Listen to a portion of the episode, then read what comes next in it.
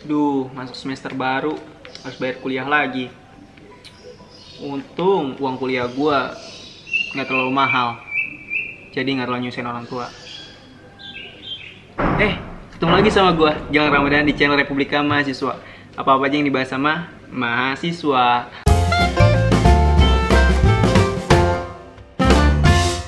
Yap, di video kali ini gue bakal membahas tentang biaya kuliah Spesifiknya di perguruan tinggi negeri.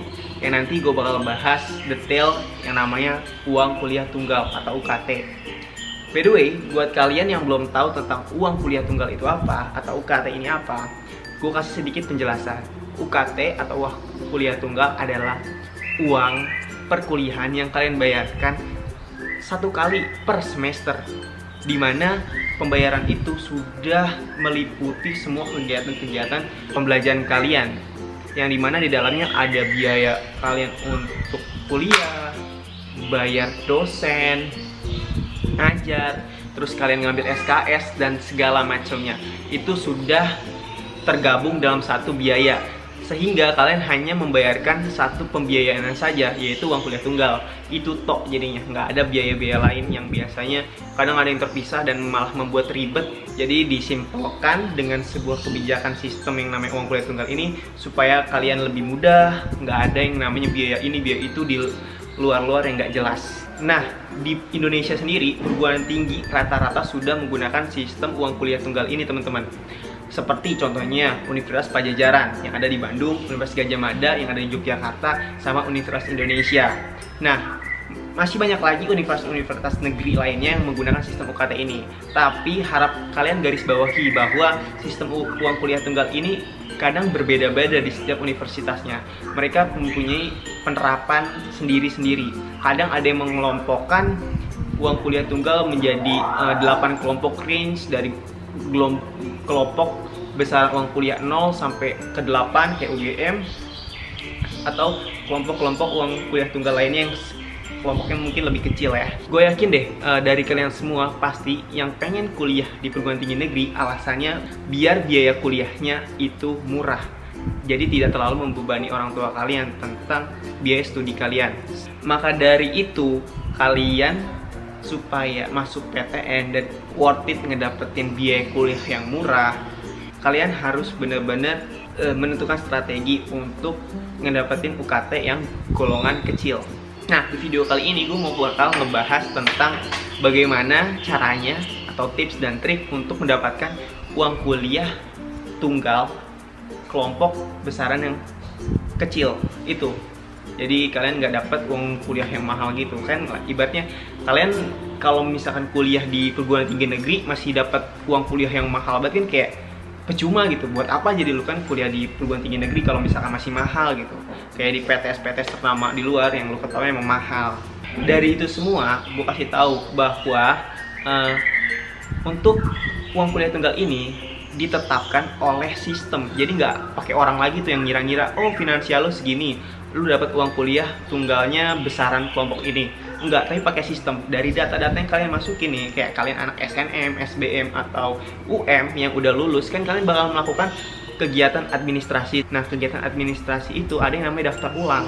Ketika kalian daftar ulang, kalian masukin data-data kalian, data pribadi, data orang tua, data finansial, segala macam yang sampai rinci banget. Nah, itu yang mempengaruhi besaran uang kuliah tunggal kalian nanti. Jadi harap diperhatikan, jangan main masukin data aja seenaknya. Oke, jadi apa aja sih uh, variabel-variabel atau data yang mempengaruhi jumlah besar uang kuliah kalian nanti ketika ditetapkan oleh sistem. Nah, yang perlu gue tekanin lagi adalah gue tidak mengajarkan kalian untuk berbohong. Gue mengajarkan kalian untuk cerdas berfinansial. Maksudnya itu apa? Ya kalian memasukkan data tidak nyombongin ke atas gitu kan kayak, wah gue orang kaya nih, wah gue ini nih gitu kan. Enggak, kalau lu mau nyombongin jangan nyombongin ke atas nyombongin ke bawah kalau nyombongin ke atas lu malah bikin susah diri lu sendiri dengan mendapatkan uang kuliah tunggal yang gede banget karena cerdas berfinansial gue bilang tadi lu berkuliah tidak hanya mengeluarkan uang kuliah saja tapi lu ada uang-uang lain di luar sana kayak misalkan lu biaya kosan. Biaya kosan tuh udah mahal banget gitu loh per tahunnya. Terus juga ada biaya hidup lu dan segala macamnya. Kalau lu kuliah di PTN terus dapat uang kuliah tunggal yang mahal terus belum nyiapin uang kosan, nyiapin biaya hidup segala macam, nanti orang tua lu malah terbebani, orang tua lu malah susah, lu juga pusing ya kan sebagai anaknya. Maka harap benar-benar diperhatikan. Oke, masuk ke variabel yang pertama yang mempengaruhi besar uang kuliah lu nanti ditetapkan oleh sistem. Yang pertama adalah pekerjaan orang tua sama penghasilannya. Nah, untuk hal ini masalah pekerjaan, misalkan kedua orang tua lu bekerja, saran gua kalau ibu lu bekerja tidak legal banget gitu kayak sampai punya nomor NPWP, sampai tertulis namanya, punya jabatan segala macam. Kalau nggak sampai kayak gitu ya mendingan kalian tulis sebagai ibu rumah tangga aja. Karena apa? Dengan kalian menuliskan ibu rumah tangga ibu kalian dan ayah kalian sebagai satu-satunya tulang punggung, berarti itu akan membuat uang kuliah tunggal kalian nanti akan cenderung mengarah ke kelompok yang kecil gitu loh ibaratnya kayak kayak yang ngasilin uang cuma ayah kalian dan harus menghidupi anak istri dan lain-lain ya. Nah masalah penghasilan. Ini mengaruh juga sama pekerjaan tadi. Kalau penghasilan lu harus diskusi sama orang tua lu. Karena apa? Ada aja gitu. Bocah-bocah yang bodohnya teedan gitu bodohnya teedan gitu. Gimana ya? Misalkan dia taunya orang tua orang tuanya fine fine aja gitu. Kalau kerja selalu mendapatkan gaji 50 juta per bulan. Oh pokoknya stabil kayak gitu. Padahal kenyataannya orang tuanya seorang pengusaha yang penghasilannya nggak stabil. Mungkin di bulan-bulan tertentu memang 50 juta dapatnya tapi bulan-bulan lainnya misalnya dapatnya cuma satu juta dua juta atau bahkan nggak dapat gaji karena nggak ada barang yang bisa dijual. Ya kan lu ngerti pengusaha memang seperti itu gitu. Nah lu jangan langsung masukin gaji orang tua berapa. Lu masukin langsung 50 juta. Ya mampus gitu loh. Ya lu bakal dapat uang kuliah yang mahal kalau kayak gitu. Makanya lu tanyain dulu berapa gaji atau pendapatan per bulannya orang tua lu dengan pasti pakai diskusi. Kalau langsung nembak jeder-jeder gitu. Saran dari gue sih untuk uh, masalah penghasilan kalau gue dulu kayak gini karena orang tua gue adalah wirausahawan ya balik lagi ke pekerjaan tadi gue menulisnya bukan pengusaha. Please ya jangan tulis pengusaha. Pengusaha kesannya tuh kayak wah banget gitu kayak nyombong banget tuh gitu. Gue nulisnya seorang pedagang. Iya pedagang. Emang orang tua gue pedagang gitu nggak kaya kok gitu. Pedagang. Dengan penghasilan berapa? Kalau pedagang kayak wirausahawan gini lu bisa nulis gajinya bebas aja gitu. Gue nulis 4 juta 2 juta itu bebas aja. Tapi memang gue masukin itu tidak bohong. Gue memasukkan gaji terendahnya didapetin sama ayah gue dalam 12 bulan. Satu tahun itu 12 bulan. Bulan mana yang dapetin penghasilan paling kecil? Misalkan dari 12 bulan itu bulan Juni mendapatkan penghasilan cuma 2 juta atau 4 juta. Ya udah gue masukin 4 juta itu sebagai penghasilan orang tua gue gitu loh. Ibaratnya gue masukin kondisi terburuk finansial ayah gue di satu bulan dari satu tahun itu gitu. Nah buat kalian yang orang tuanya PNS itu gue nggak bisa bantu banyak sih. Karena kan kalian orang tuanya pasti udah tercatat detail gitu penghasilannya berapa setiap bulannya dan lain-lainnya. Tapi ya kalau misalkan ditanya penghasilan berapa lo tulis aja gaji pokoknya. Nggak usah tambahin uh, uang tunjangan uang ini itu itu segala macem ya. Yang yang di luar-luar itu nggak usah lo sebutin lah gitu loh lo malah bikin perkara aja kalau kayak gitu. Untuk uh, orang tua kalian yang udah pensiun berarti kan sudah tidak berpenghasilan gitu loh ya. Berpenghasilan pun banter-banter dari uang pensiun itu yang nggak seberapa.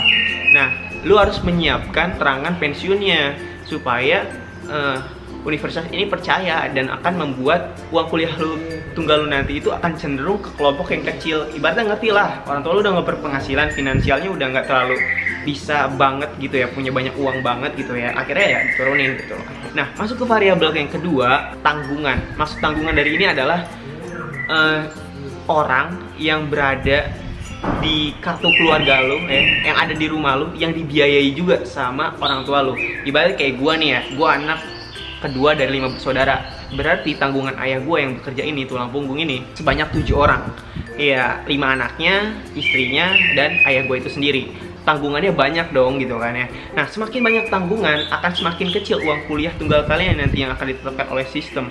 Karena ibaratnya ya ayah lu membiayain studi nggak cuma lu doang, tapi adik-adik lu juga pada sekolah, terus juga harus ngebiayain ini itu, biaya makan segala macam kan banyak yang harus dibiayain. Jadi yang ngerti lah gitu. Makanya tips dan saran dari gua adalah uh, ketika kalian punya kakek atau nenek yang tinggal serumah sama kalian atau kalian punya anak tiri, anak asuh, anak pungut, anak apalah udah semuanya masukin semua ke kartu keluarga. Semakin banyak di kartu keluarga yang jadi tanggungan tulang punggung keluarga kalian itu akan semakin kecil uang kuliah tunggal kalian. Yang berikutnya yang mempengaruhi besar uang kuliah kalian adalah aset.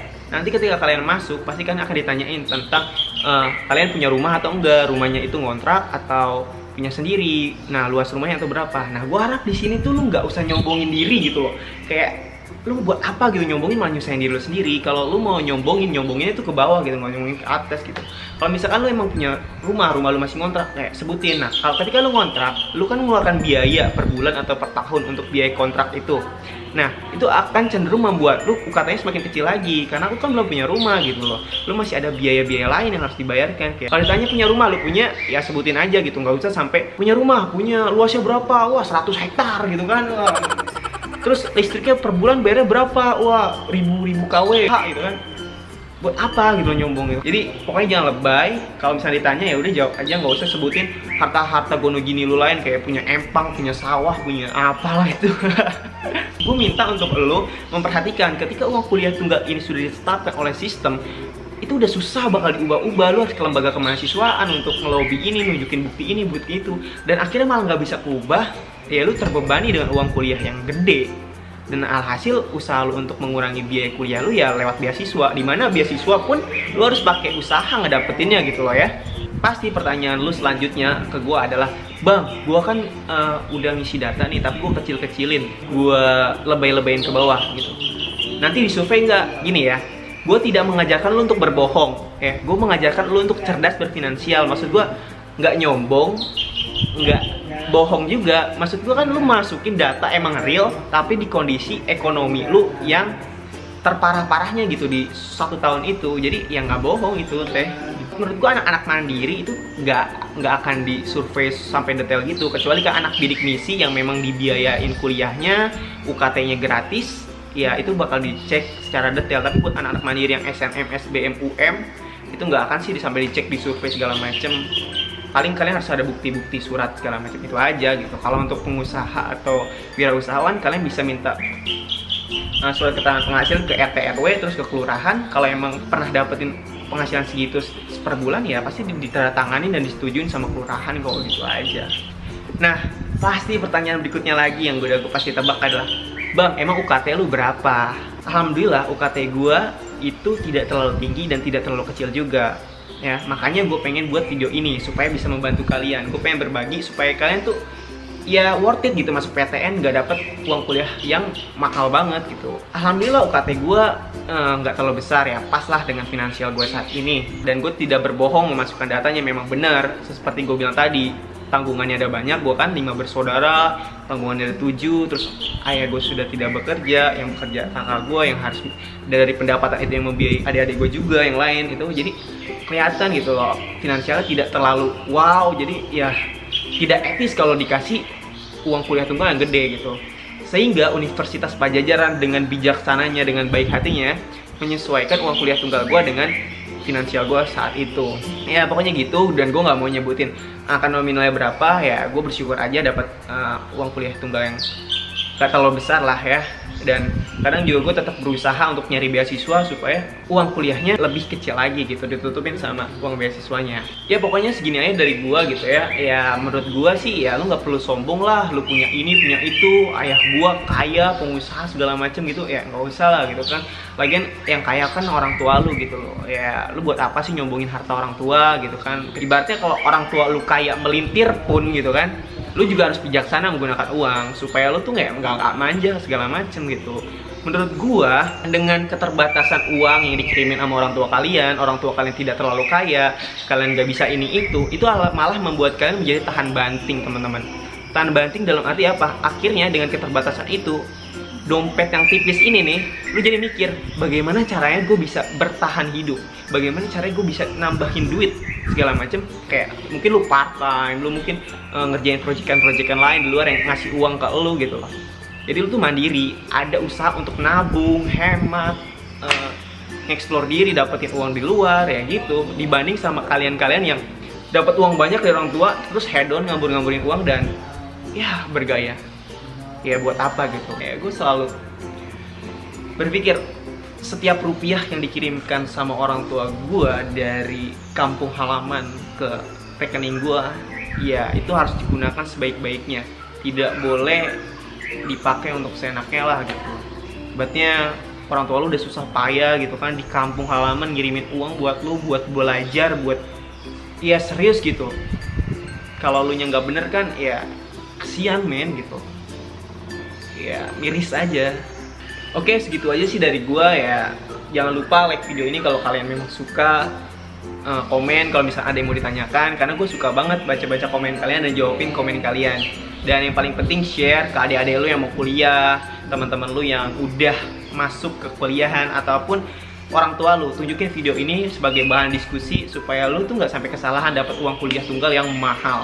Dan yang paling penting adalah subscribe channel ini supaya lebih besar lagi dan lebih bisa ngasih manfaat lagi ke orang-orang. Sampai ketemu lagi sama gue Gilang Ramadan channel Republika Mahasiswa. Goodbye. Bye bye.